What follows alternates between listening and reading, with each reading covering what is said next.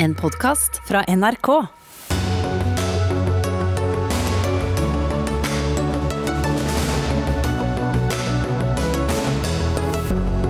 Hele verden venter på koronavaksine, men Norge har stemt mot et forslag om at fattige land skal kunne få produsere vaksinen selv. Best for alle parter, sier Utenriksdepartementet.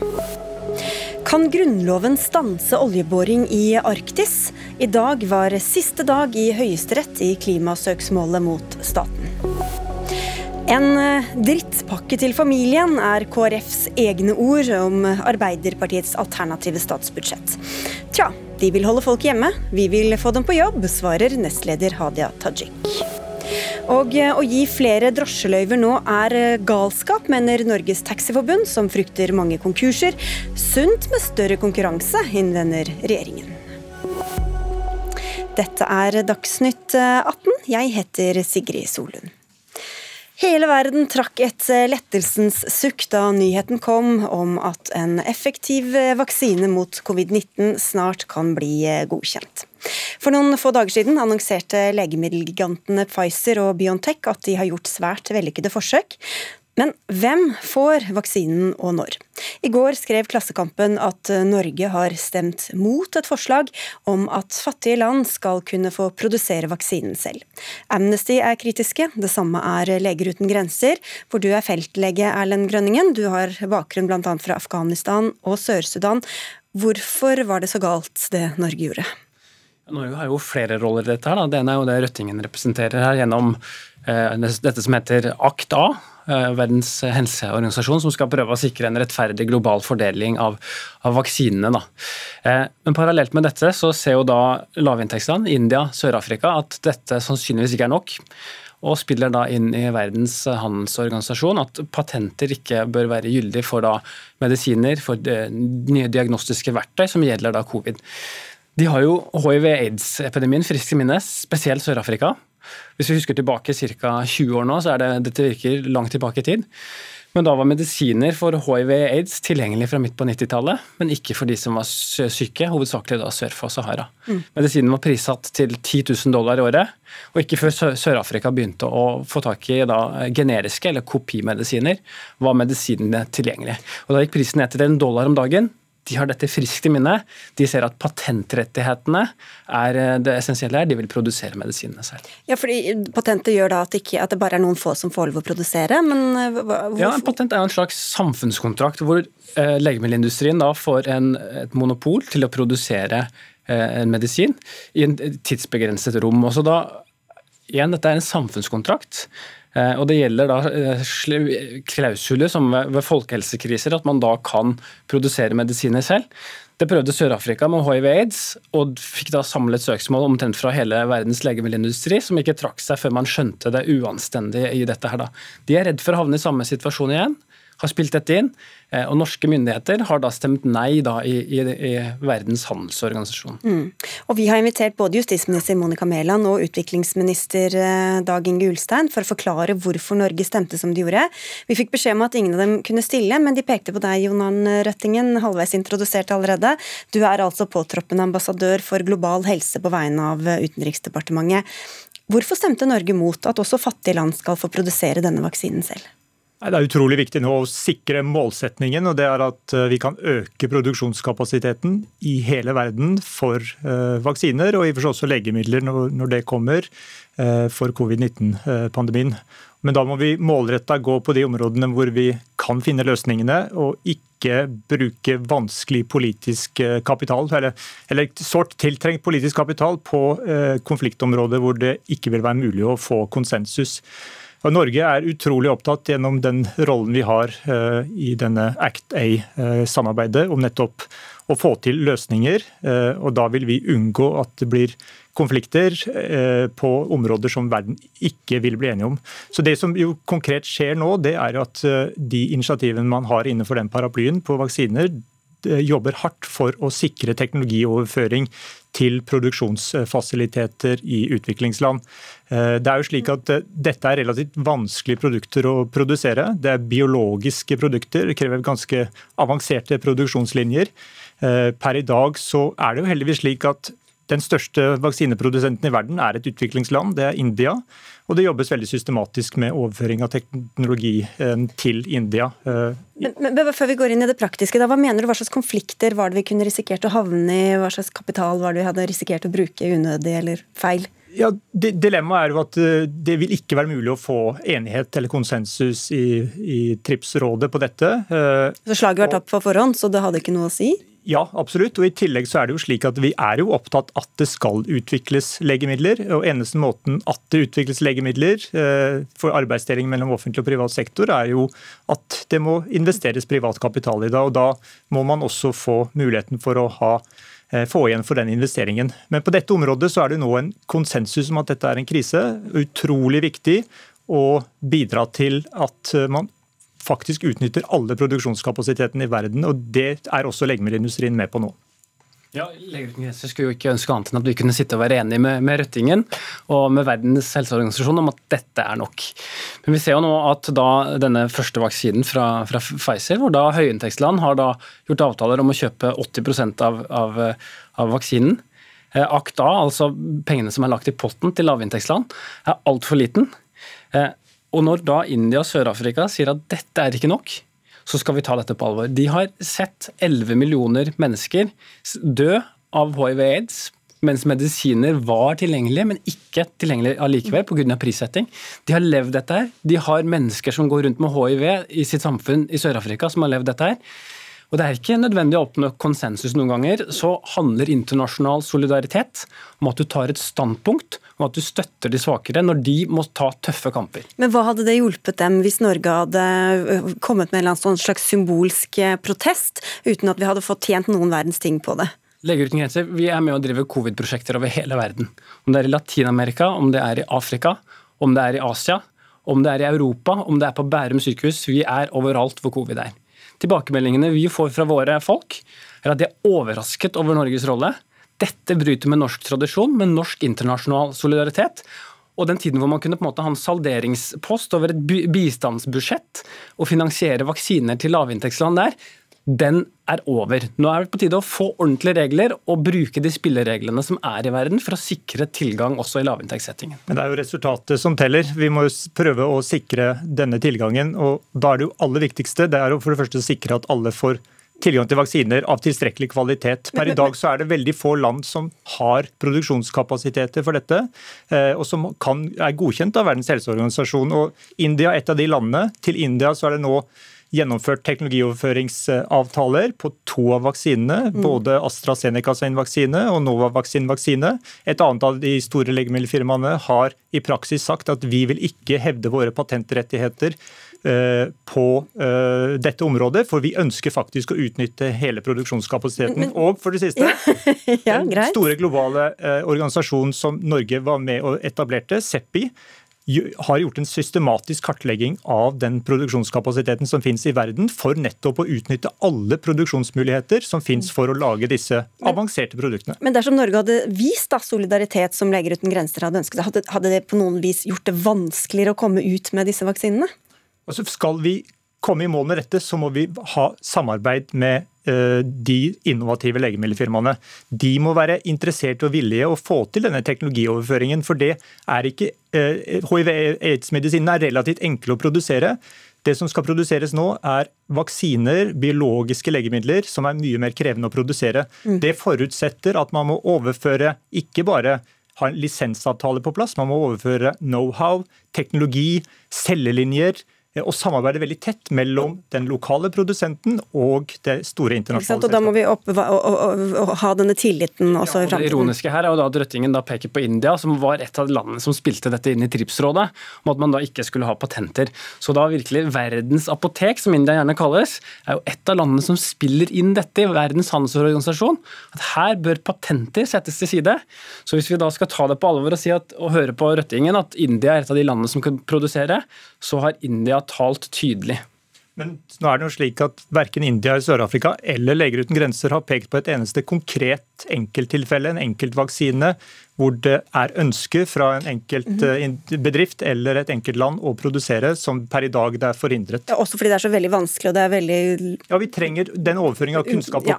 Hvis ikke så får vi ikke disse raskt nok på markedet. Da skal vi Grønningen få avslutte. Ja, dette er, jo, dette er, jo, argumentasjon som vi har hørt eh, over 20 år. Leger uten grenser har jo en kampanje som heter Access-kampanjen, hvor vi da over 20 år har jobbet med tilgang på medisiner, på vaksiner i lavinntektssettingen.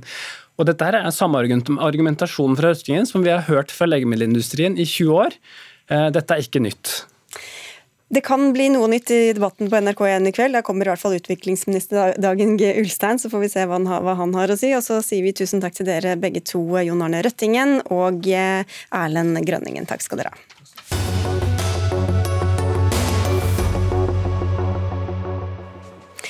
I dag var siste dag i retten i klimasøksmålet mot staten. Høyesterett skal ta stilling til om regjeringen brøt Grunnloven da den tildelte nye oljelisenser i Barentshavet i 2016, slik saksøkerne Greenpeace og Natur og Ungdom mener. Sentralt står Grunnlovens paragraf 112, som skal sikre artsmangfold og et sunt miljø og god helse for nålevende og kommende generasjoner. Hans Petter Graver, jusprofessor ved Institutt for privatrett ved Universitetet i Oslo. Hvordan vil du oppsummere hva stridens kjerne har vært disse dagene i retten? Det er egentlig to spørsmål som eh, er stridens kjerne. Det ene det er eh, tolkningen av denne grunnlovsparagrafen, om den faktisk gir rettigheter som man kan påberope seg over domstolene, eller om den først og fremst er en eh, bestemmelse som sier at staten skal gjøre så godt den kan. Og Det er et spørsmål som har rekkevidde langt utover klima- og petroleumsindustrien, men som har betydning for alle typer av miljøspørsmål, som f.eks. Øh, biologisk mangfold og utbyggingssaker, vindkraft, øh, ytterligere vannkraftutbygging og sånt. Mm. Og hva, hvor, hva, er det saksøkerne sier som mener at denne oljeutvinningen da, i dette tilfellet strider mot Grunnloven? Ja, Da kommer vi inn på det andre spørsmålet, og det er eh, hvorvidt klimaspørsmålet er omfattet av denne bestemmelsen. Eh, og det er vanskelig fordi eh, de utslippene som vi har i Norge, de er jo med på klimaproblemet, men de er bare en liten del av det. Så da kan man spørre seg hvor stor betydning har egentlig de enkelte utslippene.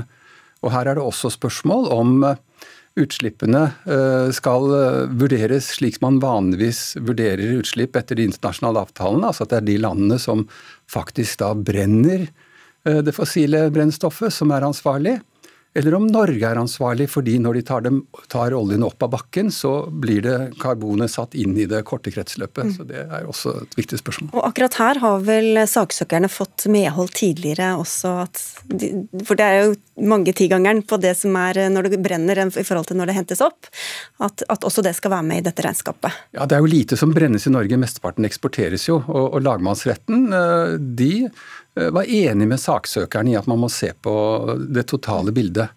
Men på den annen side så sa lagmannsretten at effekten av dette var så liten at det kom ikke over terskelen i Grunnloven. Mm. Og de har jo ikke fått medhold i, i hovedsak. Eirin Eikefjord, politisk redaktør i Bergens Tidende, du har også skrevet om dette og fulgt litt med. Hva er statens viktigste argumenter? Ja, De mener jo nærmest at dette er en sånn frirettslig kampanje, som har blitt sagt tidligere. At eh, denne paragrafen kun er uttrykk for felles samfunnsmål. At det udemokratiske bruker Grunnloven til å gripe inn i den slags politiske spørsmål. Eh, og at hvis det skulle være en rettighet eh, her, så er det i hvert fall begrensa til positive tiltak. Altså plikt til å gjøre noe, og ikke det å plikt til å avstå. Og så har jo regjeringsadvokaten gått ganske langt i å være ganske nedlatende til dette søksmålet tidligere. og har kalt det amerikanisering og politisering og en miljøpolitisk forestilling. Jeg hadde kanskje sett for meg at når denne saken kommer til Høyesterett i plenum, som er en ganske stor anerkjennelse av søksmålets legitimitet, så kunne man kanskje dempa litt denne arrogansen. Men eh, han er fortsatt der at han snakker om hokus pokus-øyeblikk og rettigheter som oppstår av ingenting.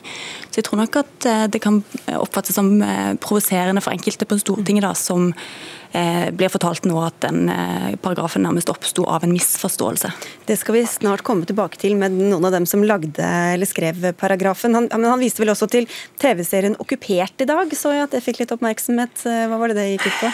ja, det var vel eh, Plott i den TV-serien handler om at eh, Norge stanser oljeproduksjonen sin. Eh, og så eh, blir de okkupert av Russland eh, på oppdrag fra EU. Eh, så Å se for seg et sånt scenario er vel rimelig søkt. Men ja, det viser jo hvilke virkemidler man tar i bruk her da, for å fange opinionen. Men Graver, Hva kan bli i første rekke konsekvensene bare når det gjelder akkurat dette, altså Barentshavet og oljeutvinning derfra?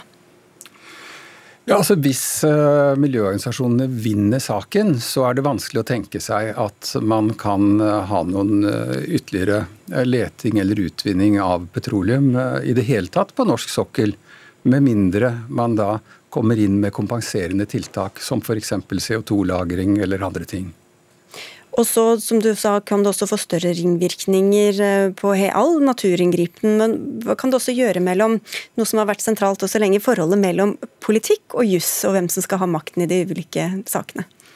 Ja, der er det jo veldig forskjell på forskjellige typer miljøspørsmål, men akkurat når det gjelder klima, så er det jo riktig at det er eh, veldig mange måter å håndtere klimaspørsmålet på, og vi har lite konkret uh, lovgivning som, uh, som Høyesterett her kan bygge på. Eh, slik at mange vil vel oppfatte det som at de går inn i eh, rene politiske vurderinger hvis de her gir organisasjonene organisasjonen medhold. På den annen side så er det jo alltid slik at politikken må utøves innenfor rammene av de rettighetene og reglene som gjelder i Grunnloven. Så det er jo i og for seg ikke noe spesielt eh, på dette området. Og Eikefjord, Det er jo kritikerne som sier at dette er politikk, man skal ikke la jussen bestemme dette. Men det har vel også vært en del politikk i de juridiske argumentene i, eh, i rettssalen? Ja, absolutt. Og så må du òg huske på at det er Stortinget som med to tredjedels flertall har vedtatt miljøparagrafen, som har hatt et ønske om å binde seg sjøl til Madsen for fremtidige generasjoners skyld. Eh, og, det er jo ikke sånn at eh, jussen er fullstendig løsrevet fra politikken. Men så tror jeg òg at eh, det vil være ansett som veldig politisk inngripende å gå inn og si at akkurat dette vedtaket, akkurat her har regjeringen gått for langt. Så det er egentlig jeg vil jo tro at en fort kan få en konsekvens her der en kan få medhold i at paragraf 112 er en rettighetsbestemmelse. Det har just, det er noe som kan brukes. Men så vil en òg få et mer interessant spørsmål. Hvor skal den terskelen egentlig ligge, og er det her man skal gripe inn? Og så graver på slutten her, det, det foregår også lignende klimasøksmål og har foregått i, egentlig over hele verden. Hva, hva, vinner de fram, eh, saksøkerne her, eller altså i, i disse andre sakene? Eh, akkurat denne typen klimasøksmål er det ikke så mange av. Eh, men det var rett nylig i Nederland hvor saksøkerne vant frem. Eh, og Det man kan si nettopp om klimaspørsmålet, og i og for seg også biologisk mangfold, det er at der er jo de interessene som først og fremst blir berørt, det er kommende generasjoner og når det gjelder klima, folk i andre land enn Norge som vil merke effektene mest. Og de er jo ikke representert på noen fornuftig måte i de politiske prosessene vi har. Så det skiller denne typen saker, etter min mening, fra andre saker hvor man godt kan si at domstolene bør vise atskillig tilbakeholdenhet med å gripe inn i politiske prosesser. Svaret får vi vel ikke før på nyåret, ettersom jeg har forstått. Men vi skal slippe løs dere to og um, få inn to andre som altså lovet var sentrale da denne paragrafen ble formulert. For som vi var inne på, regjeringsadvokaten sier altså at uh, miljøparagrafen aldri var laget for å kunne begrense norsk oljevirksomhet. Men da misforstår du paragrafen som Stortinget lagde, sier du Jette Christensen, stortingspolitiker fra Arbeiderpartiet, og du var også saksordfører da miljøparagrafen ble revidert i 2014.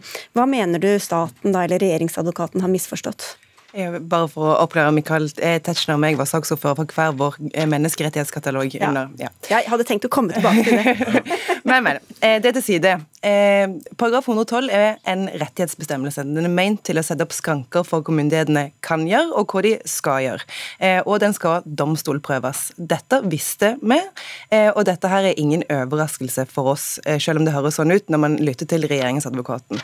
Eh, det, som, det eneste som overrasker meg i denne sammenheng, er regjeringsadvokatens måte å prosedere etterpå. Fordi at eh, jeg er ingen rettskilde, og det er ikke Michael Tetzschner heller. Men når regjeringsadvokaten pålegger Stortinget intensjoner og tanker og nærmest følelser og, og hva vi visste eller ikke visste når vi vedtok dette, så tvinger han oss nærmest til å eh, uttale oss eh, om det. Fordi hadde det ikke vært en rettighetsbestemmelse, altså hadde det ikke vært en bestemmelse som faktisk skulle avstedkomme noe, som kunne domstolsprøves, så hadde det ikke vært vits i å stemme mot. Altså Hvis det bare var en hurrabestemmelse som handler om at det påligger staten å eh, støtte Blekkulfklubber eller avholde bærekraftseminar med statsfinansiert kaffe i pausen, så går det ikke an å være imot det. Det er ingen som bryr seg om å være imot det. Men det var flere som var imot denne bestemmelsen, fordi den er en aktiv bestemmelse eh, og som skal kunne prøves i domstolen. Vi har jo invitert eh, regjeringsadvokaten, han takket nei, men, men dette var altså noe dere så for dere at kunne skje? Et sånn type søksmål? Det er klart det. Vi er stortingsrepresentanter, men vi er ikke dumme i hodet. Jeg sier ingenting til det. Michael Tetzschner, stortingsrepresentant og også altså saksordfører for noen deler av denne menneskerettighetsbestemmelsene også under behandlingen. Så du får deg at dette kunne komme til å skje? Ehm, vi, eh, jeg har gått gjennom hele debatten i dag, og også innstillingen. og Olje og gass er ikke nevnt eh, med et ord. og Det er jo også sammenheng med at akkurat CO2 eh, er jo ikke skal vi si, en skadelig miljøgift i seg selv. Det, når man snakker tradisjonelt eh, miljøvern. Da er du inne på natur og miljø. Ja, og, og det er de, de iboende egenskapene ved CO2 eh, er ikke problemet, det er mengden. Og eh, Derfor mener jeg at staten har veldig gode kort på hånden når de sier at de har tilsluttet seg Kyoto-avtalen. Opprinnelig 30 reduksjon, senere har vi meldt inn i Paris 40 eh, eh, reduksjon. Og vi er også med i et kvotehandelssystem som også gjør at Eh, man samlet eh, skal bringe utslippene ned. Og Parisavtalen den eh, har jo også vi sluttet oss til ved at EU som det eneste region har gjort dette rettslig bindende for sine medlemsland. Men, men, og disse tiltakene de svarer nemlig på det som står i 112, at statens myndigheter skal iverksette tiltak som gjennomfører disse grunnsetninger. Og Da kan den anvendes selvfølgelig også på mengdeproblemer knyttet til CO2. Ja, så hva var da det korte svaret? Så du for deg at dette kunne altså Selv om ikke olje og gass sto beskrevet, så er det da slik at selvfølgelig klimaendringer påvirker også natur og miljø. Så, så mener du at den da er omfattet av dette, eller? Ja, det, det jeg i hvert fall kan si. Det var ingen i Stortinget som tenkte at uh, vi nå ikke kunne utlyse flere utvinningstillatelser basert på et kjent regelverk som virket og var i gang. Fordi da hadde jo Stortinget gjort det med omtrent det kanskje samme flertallet som de som fikk denne grunnlovsbestemmelsen inn. Så jeg vil jo nettopp si at det at vi vedtok dette 13. Eh, mai 2014 vel vitende om eh, det regulerings- og lovarbeidet vi har ved tildeling og også kvalitetssikring og konsekvensvurdering. Hvis noen hadde kommet på at det var eh, lover som ikke kunne eh, virke sammen og parallelt i harmoni, så hadde vi jo selvfølgelig gått løs på petroleumslovgivningen. Ok, Christensen? Grunnen til at Grunnloven eksisterer, er for å sette skranker for myndighetene. For å kontrollere om lover er i tråd med de verdiene som vi legger til grunn for hva staten Norge skal være. Derfor er 112 en sånn type bestemmelse. Men i disse forarbeidene, som da også er merknadsinnstillingen så står det, eh, som jeg leste igjen i dag, eh, at eh, staten har en aktiv plikt til å ivareta miljøet. Og Vi er jo ikke her for å prosedere saken. Vi er jo ikke her for å si hva vi mener utfallet av saken skal bli, men vi er jo her for å diskutere om hvorvidt Stortinget så for seg om denne saken her ville bli prøvd i retten. For det er jo det regjeringsadvokaten langt på vei sier, at han ikke ser for seg at Stortinget overså. Eh, og han til og med går så langt at han sier at hvis, hvis Stortinget hadde oversett det, eh, så ville ikke Stortinget vedtatt det. Han sier til og med at det eh, ikke ville fått simpelt flertall. Og det er, det er jo det som er sakens kjerne. Og det er jo å dra Stortingets følelsesliv og kompetansenivå inn i, inn i en rettssal. Og der har det ikke hjemme, og regjeringsadvokaten har ikke kompetanse til å vurdere vårt kompetansenivå. Ja, men, men, dette er jo det samme argumentet som jeg brukte i sted. Eh, altså det du refererte fra regjeringsadvokaten her. Fordi vi var vel vitende om at vi ikke skulle avbryte oljevirksomheten det, men det, da var det jo ikke prøvd for retten. Det kan jo være at Stortinget Nei, er, men, gjør noe, og så sier retten etterpå at det skulle man ikke ha gjort? Jo, men det er jo ikke sånn at Stortinget vedtar en, en flott formulering, og så uh, huker noen tak i den, og så sier de at nå må dere altså uten politisk medvirkning nedlegge en hol, hele oljebransje. Det er jo ikke sånn det fungerer. Det Nei, men kan, Stortinget, unnskyld at jeg avbryter, men Stortinget kan vel vedta noe som senere viser seg å være rettsstridig? Nei. Eh, altså For det første så var jo eh, det som var rettstilstanden, det var en eh, veldig nitid og godt regulert oljesektor som gjør at vi har de laveste miljøulempene ved noe utvinning av gass og olje. Det var Stortinget kjent med. og det er klart at Hvis man ville gjøre endring i det, så måtte man si klart fra. Så Stortinget slapp ikke fra seg en formulering som bare var å, å, å bruke og og så anvende anvende mot Stortingets eh, egen oljepolitikk. Det, det er altså da virkelig sette vognen foran hesten. Men til dette med en, om dette er en rettighetsbestemmelse eller ikke, som også var det vi nevnte hokus pokus, det var jo det som var argumentet da, for at plutselig så kom det en materiell rettighet bygget på en misforståelse ifølge regjeringsadvokaten. Hva sier du, er det en rettighetsbestemmelse? Ja, Det ble avklart i selve debatten, og der er jeg også sitert i lagmannsrettsdommen, eh, for øvrig som rettskilde, og ikke minst Høyres eh, ganske forstandige eh, merknader, som heldigvis resten av komiteen ikke, ikke tok avstand fra. Slik at det er mulig å få prøvet sin sak hvis det er slik at staten sitter passivt og ser en oljevirksomhet som ikke reguleres, og at vi ikke er med i Kyoto, ikke er med i Parisavtaler og ikke gjør andre avbøtende tiltak. Men dersom altså, det at man er med i en avtale, Kyoto-avtalen og Parisavtalen, det betyr jo ikke at staten nødvendigvis tar de riktige grepene og gjør dem og får ned utslippene, da, som er tilfellet i dette. Nei, men det er i så fall ikke et juridisk spørsmål, det er et politisk spørsmål som det hele tiden eh, ligger til eh, Stortinget å vurdere. Og Da har jeg også en reservasjon å anmelde når det gjelder eh, Hans Petter Graver. Resonnementet at, at, Stortinget er uten interesse for kommende generasjoner. Tvert imot, det er en meget bredt sammensatt forsamling. Noen har barnebarn, noen har barn. Så generasjonsperspektivet er i høyeste grad til stede. Det kan man forsikre seg om i debatt etter debatt. Å overlate dette til juristene og deres syn på fremtiden, det vil jo være et demokratisk tilbakeskritt. Kristensen? Ja, men det er jo eh, nettopp derfor vi har denne grunnloven. Fordi at vi eh, gjennom grunnlovsbestemmelser diskuterer dette her i Stortinget og setter skrankene for Stortingets eget arbeid i Stortinget. Med våre rettskilder, med våre merknader, med våre debatter og våre forarbeider. Det er jo derfor vi nettopp ta kontroll over dette sjøl, istedenfor å la det være opp til domstolene. Det er en uenighet meg og deg har hatt i årevis, eh, og den kommer til å fortsette å ha. Men Stortinget står fremdeles fritt til å fatte like dumme eller kloke vedtak nå som før. Men også rettsstridige, da, egentlig, blir jo da konsekvensen av det du sier. Altså, altså Stortinget kan da fatte vedtak som er rettsstridige? Stortinget har jo fattet eh, grunnlovsstridige vedtak mange ganger opp gjennom historien. Det er jo nettopp derfor det er så bra at vi har en grunnlov, og det er nettopp derfor det er så bra at vi grunnlovfester domstolskontrollen, sånn at eh, vi har et ekstra vern mot dette. Hvor utfallet av rettssaken blir, det vet ikke vi, det overså vi ikke. Men det at denne saken her kan prøves for retten, som er grunnen til at vi sitter her i, i Dagsnytt 18 og diskuterer det, den ligger der. Den overså vi når vi vedtok den, eh, og det var derfor jeg var for den da, og derfor er jeg for det nå. Okay er det ikke det enkelte vedtak som eh, Grunnloven sensurerer ved hjelp av, av Høyesterett i siste instans. Det er jo eh, de lovene som eh, Stortinget setter inn i verden, og som eventuelt bryter med de overnormene som ligger i, i Grunnloven. Og Her har jo ingen eh, påberopt seg at den petroleumslovgivningen vi har arbeidet etter siden eh, 1996 og, og de utvinningstillatelser som er gitt, på noe tidspunkt har vært grunnlovsstridige. Så jeg ser på dette søksmålet som en, en eh, interessant eh, prøving. og Det ble også sagt her at man anerkjenner søksmålets legitimitet ved å sluppe til i Høyesterett. Nei, det er eh, tvistelovens paragraf 34 som sier at hvis utfallet har stor betydning, så kan man slippe det inn. Da avslutter vi der. Takk skal dere ha, Michael Tetzschner og Jette Christensen fra henholdsvis Høyre og Arbeiderpartiet.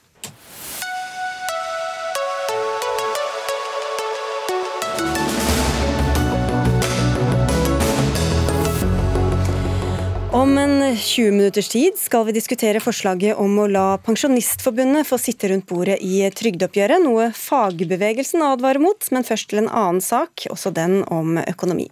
For Arbeiderpartiet hadde knapt lagt fram sitt alternative forslag til statsbudsjett i dag, før reaksjonen kom. Dommen fra Kristelig Folkeparti lød slik, sammen med partiets program er dette en sitat, drittpakke til familien, sitat slutt bl.a. fordi partiet ønsker å hente inn 745 eh, millioner kroner ved å fjerne kontantstøtten. Men dette var likevel sterke ord til dere å være, Jorunn Gleditsch Lossius. Du sitter i familie- og kulturkomiteen for KrF på Stortinget. Hvorfor så eh, sterke ord?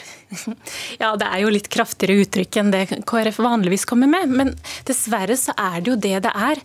Det er en pakke med en rekke elendige forslag som fratar barnefamilier og de som venter barn, all fleksibilitet og all valgfrihet.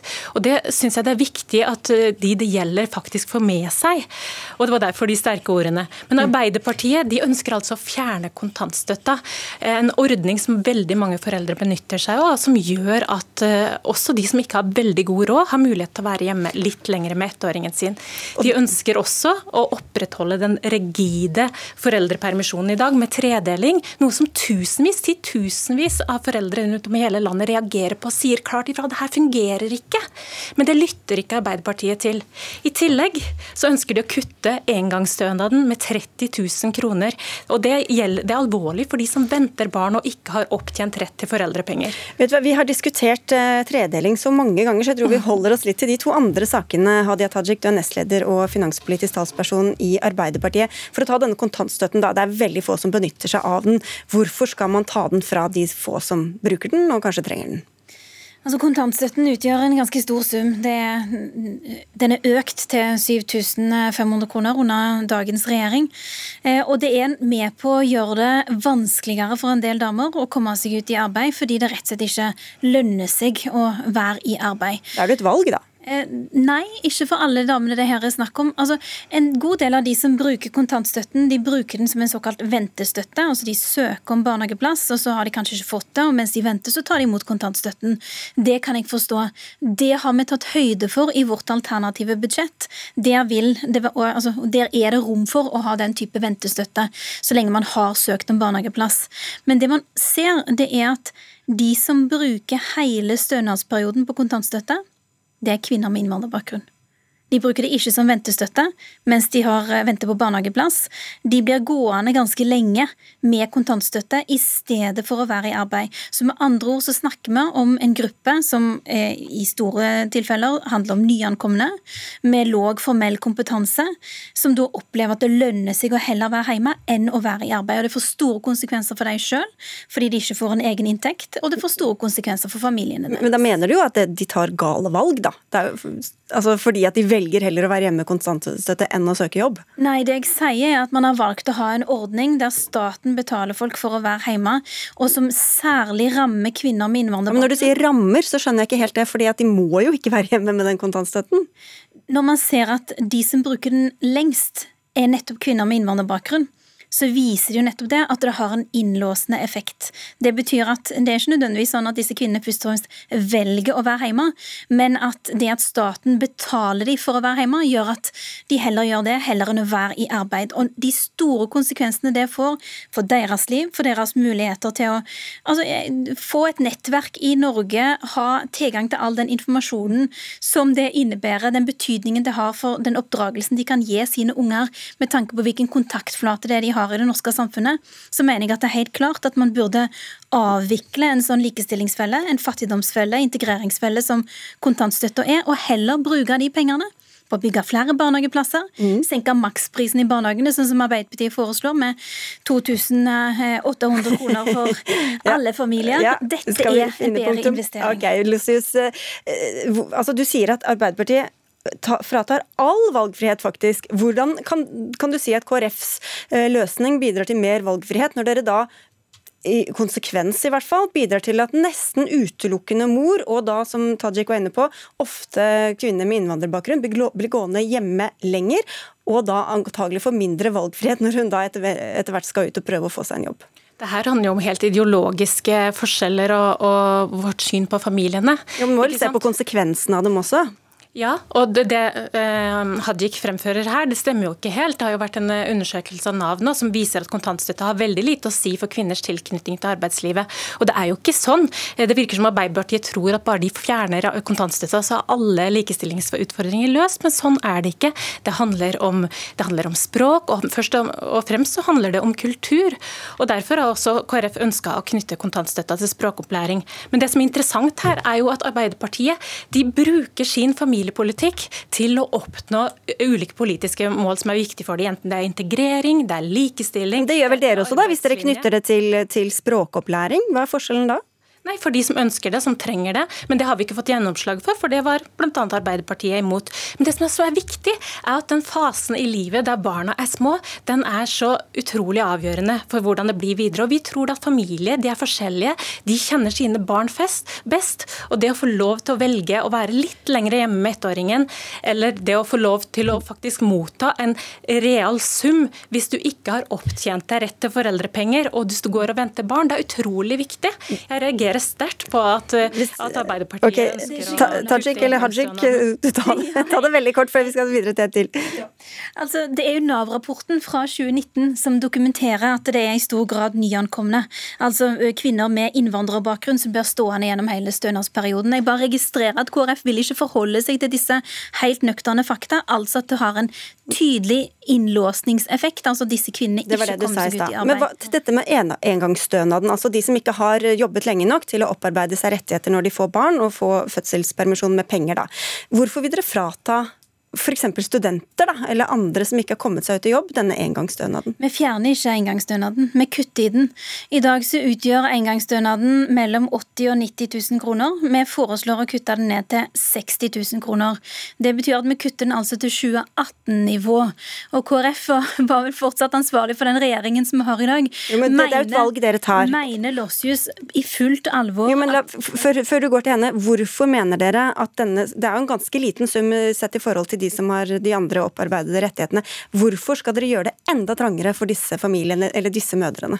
Og når det gjelder engangsstønaden, så ser vi at 93% av de som er mottakere av engangsstønaden, er eh, kvinner med innvandrerbakgrunn. De er, ikke, de er ikke født i Norge. Og Det dette igjen er et tydelig tegn på, er at kontantytelser av denne typen, enten det er kontantstøtten eller det er engangsstønaden, bidrar til å holde kvinner med innvandrerbakgrunn utenfor arbeid. Og alt det arbeid har å si for enkeltmenneskers frihet, tilsier at vi må gjøre det enklere å komme ut i jobb, ikke gjøre det vanskeligere. Og da er det barnehageplasser, barnehagepriser det det og tilgjengelighet. Ok, Lossis, da, vi, da, kan jeg avslutte spørsmålet fra Tajik her. Mener dere at det nivået som var i 2018 var altså så elendig at du ikke kan uh... At det var en drittpakke mot familiene, faktisk. KrF har jobba systematisk siden 2013. Da var engangsstønaden på bare 30 000. Fra nyttår vil den være på over 90 000. Det utgjør en enorm forskjell for de som er i den situasjonen. Men, Men bunnlinja her er at Arbeiderpartiet de vil bare la folk velge mellom barnehage barnehage og barnehage, og de ønsker at vi skal bare De har andre mål for sin politikk og ønsker bare å bruke sin familiepolitikk som et verktøy til å oppnå de her målene. Det syns vi er utrolig trist. Vi ønsker for, å styrke familiene og ikke styre dem. Det er en ærlig sak å velge å bli hjemme. Det store spørsmålet er hvorfor KrF mener at staten skal betale for det. Eh, og jeg må nesten spørre, jeg må spørre en gang til. Jeg må, unnskyld, nå er det jeg som snakker. Nå er det jeg som snakker.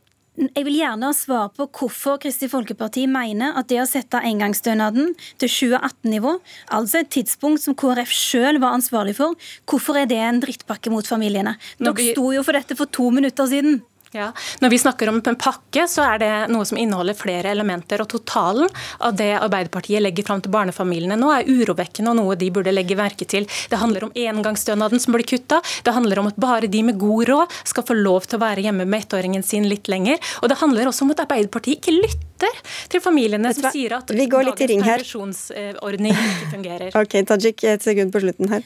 Altså, Vi lytter til barnefamiliene. Vi ser jo at det er over 5000 unger som, eh, står i, eh, som venter på barnehageplass.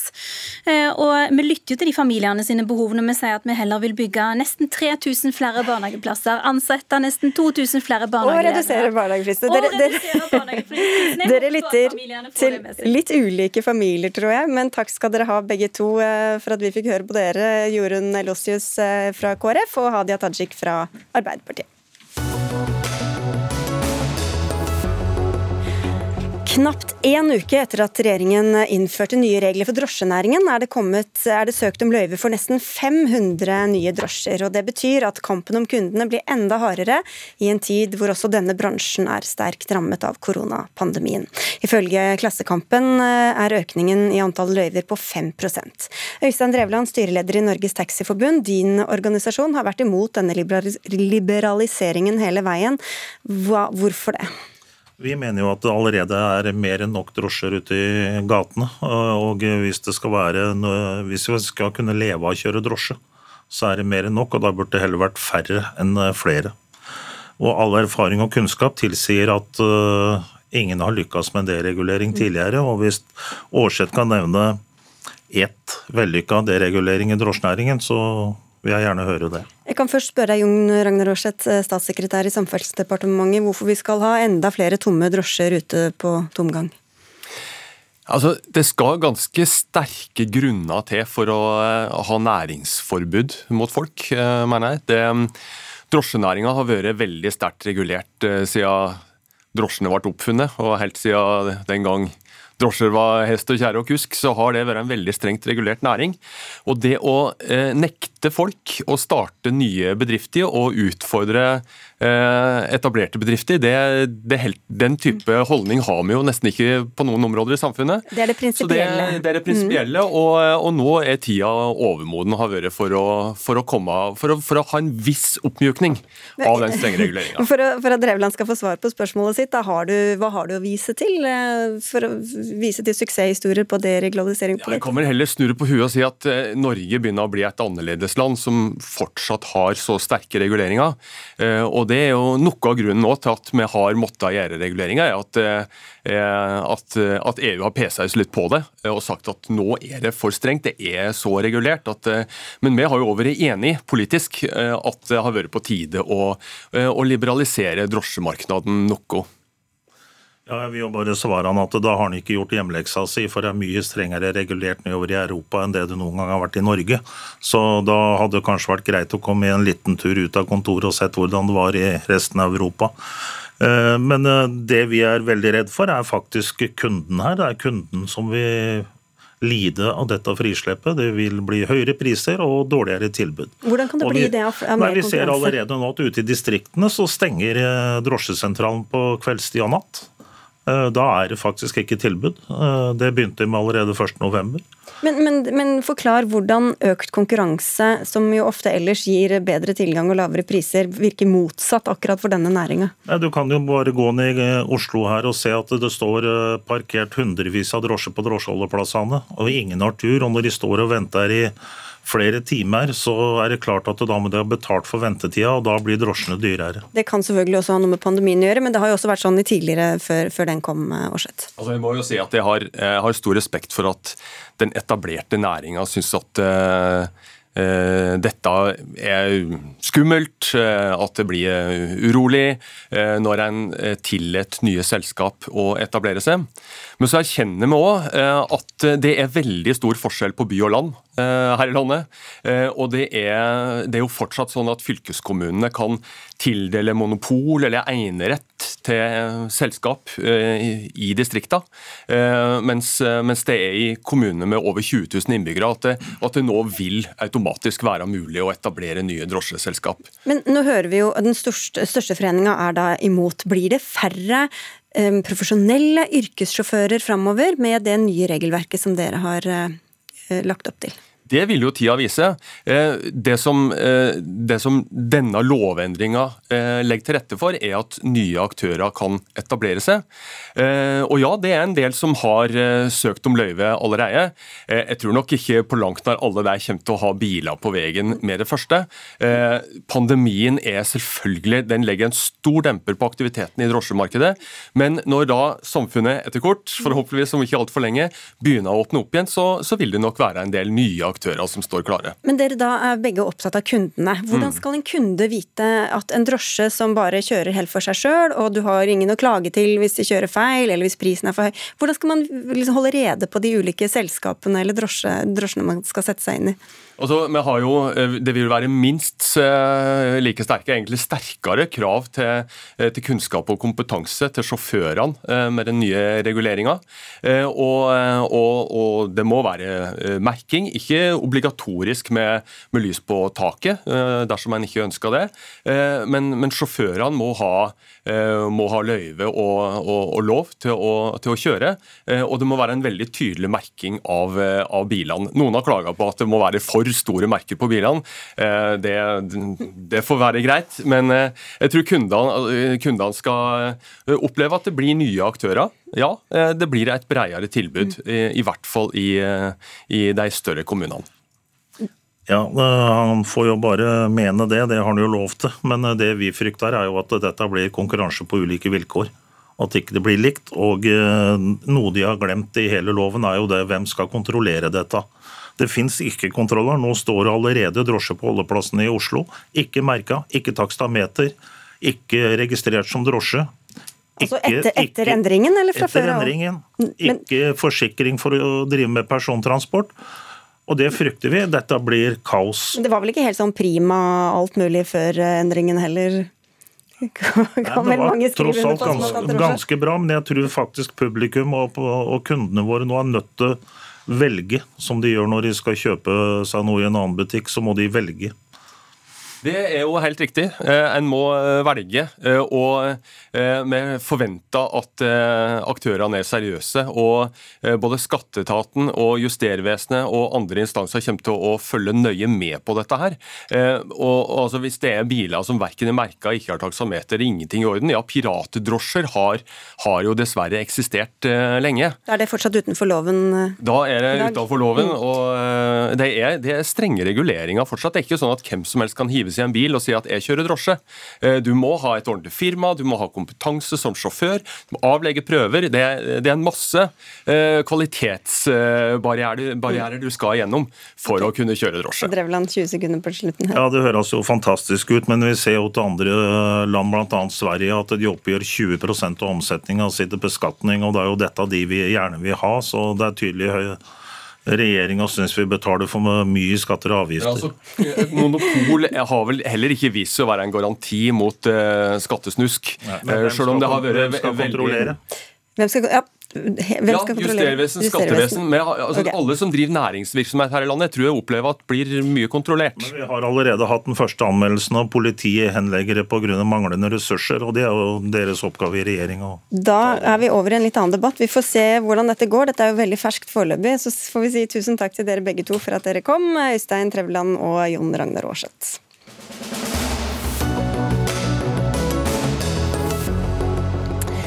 Til manges overraskelse ble SV og Fremskrittspartiet enige denne uka om det partiene kaller et anstendighetsløft for pensjonister. I dette forslaget vil de to partiene bl.a. gi pensjonistene forhandlingsrett når det er trygdeoppgjør. Og dette har falt deler av fagbevegelsen tungt for brystet, men hva er det som er så galt med dette forslaget, Erik Kollerud, du er leder i hovedorganisasjonen YS? Nei, først så tror jeg det er viktig å si at eh, vi er også enig i at eh, nå er det 15 år siden pensjonsreformen ble vedtatt. og Vi syns også det er riktig å evaluere den. Nå er det sånn at regjeringen har satt ned et utvalg som har det som oppgave. Så vi er ikke her for å liksom diskutere den delen av det. Nei, og det kommer, Men så kommer dette i, i, som en midlertidig løsning fra, fra opposisjonen, da. Eller ja. del av den. Eh, og det ser jeg, men det er noe sånn at pensjon er så komplisert at det å liksom bare trekke ut enkeltelementer og begynne å kaste inn enkeltforslag om det, er vi veldig bekymra for. Vi mener det er fornuftig å ha en helhetlig gjennomgang av hele reformen. Og så er det altså forhandlingsdelen av det her. Det er at man altså tenker å gi en slags forhandlingsrett til eh, enkelte pensjonsforeninger. Det syns vi er veldig spesielt, og vi er veldig imot det. Du har sammenlignet det med at kapitalistene skal ha forhandlingsrett om formuesskatten. Hvorfor er det sammenlignbart? Nei, det er nok engang sånn at eh, det er jo, dette er deler av statsbudsjettet som, eh, som altså det er politisk behandling av. Og i det øyeblikket man på en måte tar ut deler av statsbudsjettet og gir en slags forhandlingsrette elementer av det, så kan man jo spørre seg hvem andre burde hatt også forhandlingsrett. Hvilke andre interesseforeninger eller, eller andre personer burde ha en reell forhandlingsrett til enkeltdeler av statsbudsjettet, på samme måte som nå de her foreslår at, eh, at Pensjonistforbundet har. Det mener vi blir helt feil, og, og tror vi ikke er noen lur løsning. Eh, de, det er vel blant andre deg, det da SV-leder Audun Lysbakken. Hvorfor er det gunstig å gi pensjonistene og Pensjonistforbundet forhandlingsrett, sånn som dere og Frp foreslår? Dette er jo en del av eh, en pakke med tiltak som skal løse det som er en akutt sosial utfordring, eh, og som ikke kan vente til dette utvalget kommer. De skal altså avgi sin innstilling i 2022. Det vil ta lang tid etter det før vi har fått gått gjennom hele pensjonssystemet. Eh, og vi har en akutt problemstilling knyttet til de eldre som har dårlig råd. Det er det som er vår agenda her. Det å få løftet minstepensjonen og få slutt på at mange eldre får lavere kjøpekraft år for år, nå som det er dårlige tider. Og Jeg syns det er litt rart at ikke YS sier det er kjempebra, la oss ta fatt i den lille biten av pensjonssystemet hvor det er en stor urettferdighet og en akutt problemstilling. Men, men hvorfor, er, hvorfor er akkurat denne forhandlingsretten en så viktig del av løsningen? Nei, Dette er jo heller ikke noe sånn uh, Nå høres det ut som dette er et veldig radikalt nytt påfunn, uh, men det det handler om, rett og slett å gjeninnføre noe som var en viktig del av uh, det norske velferds- og pensjonssystemet i mange tiår. Vi hadde en forhandlingsrett akkurat sånn som vi nå foreslår, som ble innført i 1979, og som var der i over 30 år. Og Det en skal huske på, er jo at pensjoner de reguleres jo og Derfor så blir denne her eh, sammenligningen med kapitalister og formuesskatten litt rar, syns jeg. For Spørsmålet her er jo ikke om de løpende eh, pensjonene skal reguleres, men hvordan? Skal det gjøres kun gjennom teknikk? Skal det bestemmes kun av staten, eller skal man ha en diskusjon sånn som man hadde før, med pensjonistene sine organisasjoner? Vi mener det er rimelig, og at det også gir en bredere legitimitet og forankring, eh, og vil være en fornuftig del av en sånn midlertidig ordning som vil gi mer rettferdighet i systemet. Bare gå tilbake til sånn som det var før, Kollerud. Ja, nå er Det sånn at det betyr at man skal gå tilbake til det som var før pensjonsreformen. Eh, hvor man også hadde en helt annen ordning enn det man har i dag. og Det er det vi er skeptiske til. Det er altså å gå tilbake til en ordning som er eh, annerledes enn det pensjonsreformen konkluderte med. Ja, for Den passer ikke inn i den reformen som vi har hatt? Nei, og det var altså et, et breit kompromiss som eh, la den reformen til grunn. og Den har vart godt i 15 år, og den er viktig å ikke bare trekke ut elementer av. Der bør vi ha en helhetlig gjennomgang. Dette er viktig for velferdsstatens bærekraft framover. Eh, det er faktisk de unge som skal være med å betale for, for det her, og betale for framtida. Og vi får altså veldig mange flere eldre. Og da må vi ha en helhetlig gjennomgang hvor vi ser på hvordan vi skal gjøre dette her over tid. Og nå jo, kan det jo hende at dette får flertall i, i, eh, Stortinget, og da appellerer dere til Arbeiderpartiet og til deg, da, Rigmor Aasrud, som er uh, første nestleder i arbeids- og sosialkomiteen for Arbeiderpartiet på Stortinget. Hva mener dere? Bør pensjonistene få forhandlingsretten tilbake? Ja, først og fremst så er vi glad for at det nå blir flertall for det vi har foreslått mange ganger, at vi skal regulere løpende pensjoner som pensjonister får, med lønn og pris. Og da legger vi jo på plass et reguleringssystem. Og Det bør ligge fast, så man vet hvordan ting er. Men så har vi sagt at det er viktig å se på andre ting i forhold til pensjonister. Minstepensjonister har veldig lite penger. Vi trenger å øke det de får. Og det er en god del andre forhold som pensjonister er opptatt av. Det kan vi var oss ned og forhandle om.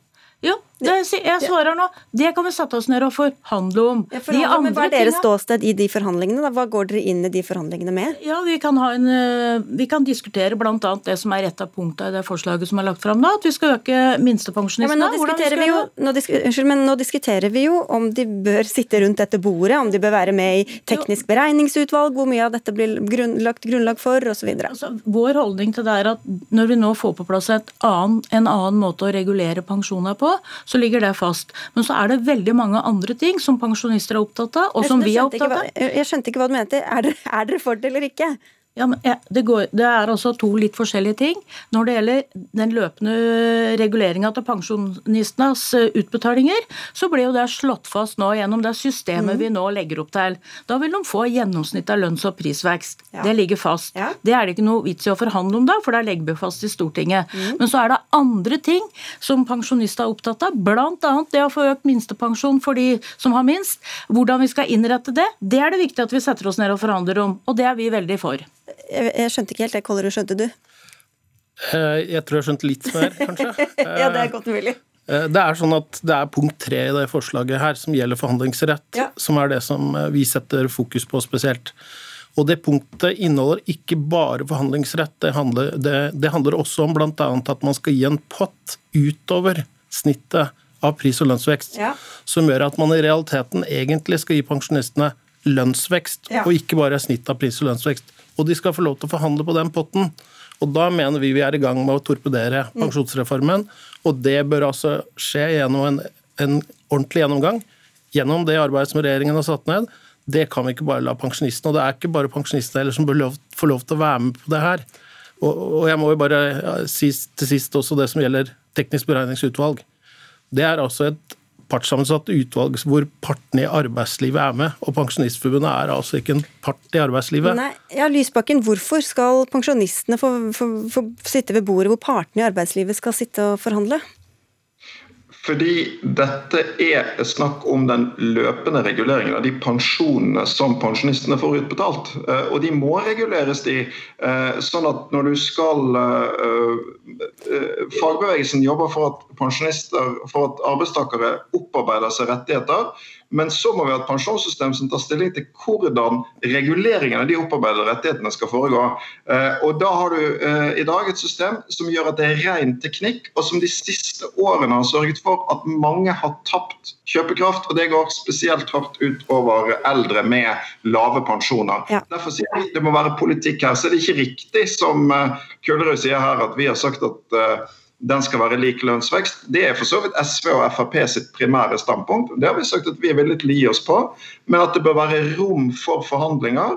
Eh, at en viktig del av det skal være å trappe opp minstepensjonen de neste årene. Eh, og jeg, eh, altså Vi er jo et parti som er dypt forankret i fagbevegelsen, så her høres det nesten ut som om YS snakker på vegne av hele fagbevegelsen. Ja, og LO er også mot at pensjonistene skal få plass i TBU, som det heter. Da. Vi snakket med dem tidligere i dag. Men Rigmor Aasrud, hva i det forslaget fra SV og Frp er det du ikke er enig i, da? Vi, også, vi, registrerer jo hva partene sier om TBU, eh, og, og, vi har en litt annen tilnærming til det med forhandlinger. Vi mener at når vi får på plass eh, den måten å regulere på, så er det ikke behov for forhandlinger. Men det er viktig å forhandle med pensjonistorganisasjonene om andre ting. Og vi er jo opptatt av at vi må få på plass bedre regulering av de pensjonene. Vi er opptatt av at det minste pensjonistene må få bedre lønn, bedre regulering. Og vi, ikke minst, vi er opptatt av at vi skal få pensjon fra første krone for de som nå er i arbeidslivet og, og kommer veldig dårlig ut. Det er jo våre tre hoved prioriteringer. Hvordan skal pensjonistene få mer å si uten at de får slippes helt inn i det helligste rommet, for å si det sånn? Det, det er ikke vanskelig å se for seg en måte å kunne snakke med pensjonister om hvordan vi skal løfte minstepensjonister, hvordan vi skal være opptatt av andre ting som Pensjonistforbundet er, opptatt av. Det går an å tenke seg at man setter av en pott penger der vi kan bli enige med pensjonister om hvordan det skal fordeles. Man eh, er opptatt av å få bedre digital kompetanse, man er opptatt av å få på plass mer aktiviteter for de eldre. Skjer ikke det i dag? Dag, da? At man har en sånn dialog? Det er ikke en forhandling om det, og det går det an å tenke seg løsninger på i samarbeid mellom eh, regjering eh, og Pensjonistforbundet. Og så er vi opptatt av at Stortinget til slutt skal få lov å behandle pensjonistoppgjøret i mai, da man gjør, skulle gjøre det. Ok, Kort inn på Lysbakken, er dette noe du kan eh, være med på? Ja, men altså, jeg synes jo Det er helt naturlig at Arbeiderpartiet ikke har tatt stilling til alt ennå. Jeg synes Det er veldig positivt at de har tatt så godt imot initiativet fra SV og Frp. Så her har vi noe å forhandle om, tenker jeg. Og så er jo, eh, altså, Jeg, jeg synes det er litt underlig at ikke YS her sier yes, her har vi en sjanse til å gjøre noe med det som er en viktig del av bærekraften i pensjonssystemet, nemlig den sosiale bærekraften. Det er uholdbart at så mange har blitt sakkende akterut de siste årene. Det er noen av de med de laveste pensjonene som nå sliter med å betale regningene sine. Og vi har en minstepensjon langt under fattigdomsgrensen. Dette er okay. en fantastisk mulighet til å gjøre noe med det. er du ikke opptatt av disse? Selvfølgelig er vi opptatt av dem, og jeg gjentar gjerne eh, at det er mye å diskutere her. Og vi er selvfølgelig enige om at vi må ha en god gjennomgang, både av nivå og innretning. Må bare diskutere om og ikke med. Eh, ja, det blir altså noe med hvem skal faktisk være med i de diskusjonene. Og det å kalle det her en forhandlingsrett er jo en spesiell eh, øvelse. I tillegg til at jeg er opptatt av å bli oppfatta av at det selvfølgelig, ja. selvfølgelig skal minstepensjonister ja, ha god pensjon. Ok, du fikk sagt det. Ja, for det, som er, det som er, aller viktigst nå, tror jeg for pensjonister, er at de får en annen regulering som gjør at de ikke taper når prisa øker. Og så tror jeg det med forhandlingsrett og sånn, det er eh, noe vi klarer å finne ut av sammen. Vi begynte i hvert fall litt her. Takk skal dere ha alle tre. Rigmor Aasrud fra Arbeiderpartiet, Erik Kollerud fra YS og Audun Lysbakken fra SV. Dagens Dagsnytt 18 er over. Dag Dørum, Ida Laland Brelna og jeg, Sigrid Solund, takker for oss.